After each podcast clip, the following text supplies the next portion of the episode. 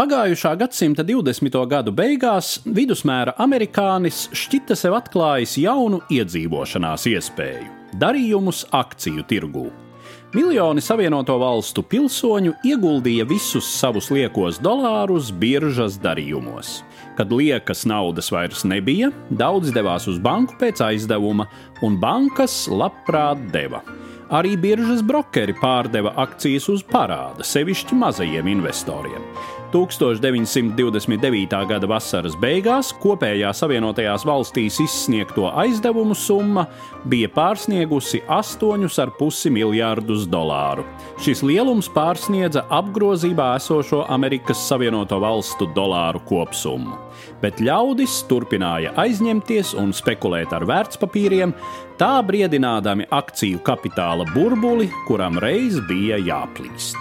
Kritiskais datums, tā dēvētā melnā ceturtdiena, pienāca 1929. gada 24. oktobrī.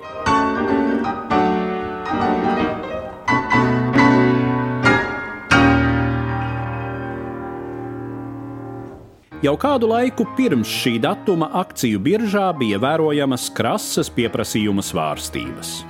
Melnajā ceturtdienā akciju piedāvājums pārsita jebkādus rekordus, sākās paniska pārdošana un cenas krita galvu reibinošā ātrumā.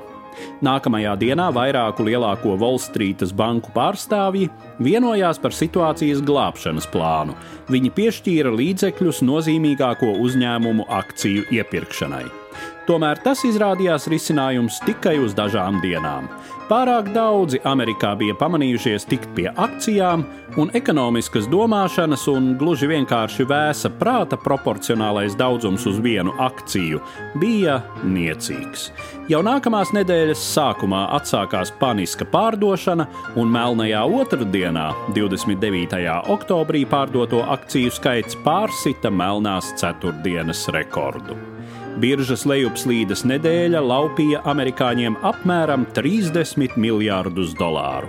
Patiesi astronomisku summu, lielāku nekā tā laika Savienoto Valstu gada budžets, lielāku nekā Amerikas tēriņi Pirmajā pasaules karā. Akciju cenu lejupslīde turpinājās vēl divus gadus. 1932. gada jūlijā sasniedzot zemāko punktu, savukārt cenu atkopšanās notika ļoti lēnām, un 1929. gada līmenī tās atgriezās pēc ceturdaļa gadsimta, 1954. gadā.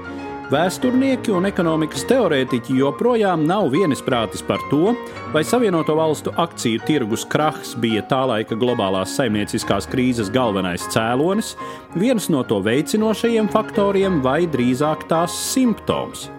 Nepārprotami ir tas, ka ieguldītāju bankroti izraisīja krīzi banku sektorā, un tas savukārt laupīja ekonomikas attīstībai vajadzīgos kredītus. Savienoto valstu federālo rezervju sistēma tikpat kā neiejaucās procesā, lai gan spētu kritiskajā situācijā atbalstīt privātbankas un līdz ar to glābt ekonomiku no nelaimes. Pie tām Savienoto valstu valdība tieši šai laikā pieņēma tā saukto smūta holija tarifu likumu, kas ieviesa augstas ievedmuitas. Amerikas tirdzniecības partneri veica pretpasākumus, un amerikāņu ekonomika jau tā nelabvēlīgajā situācijā saņēma triecienu no šī pašas palaistā bumeranga. Stāstīja Eduards Liniņš.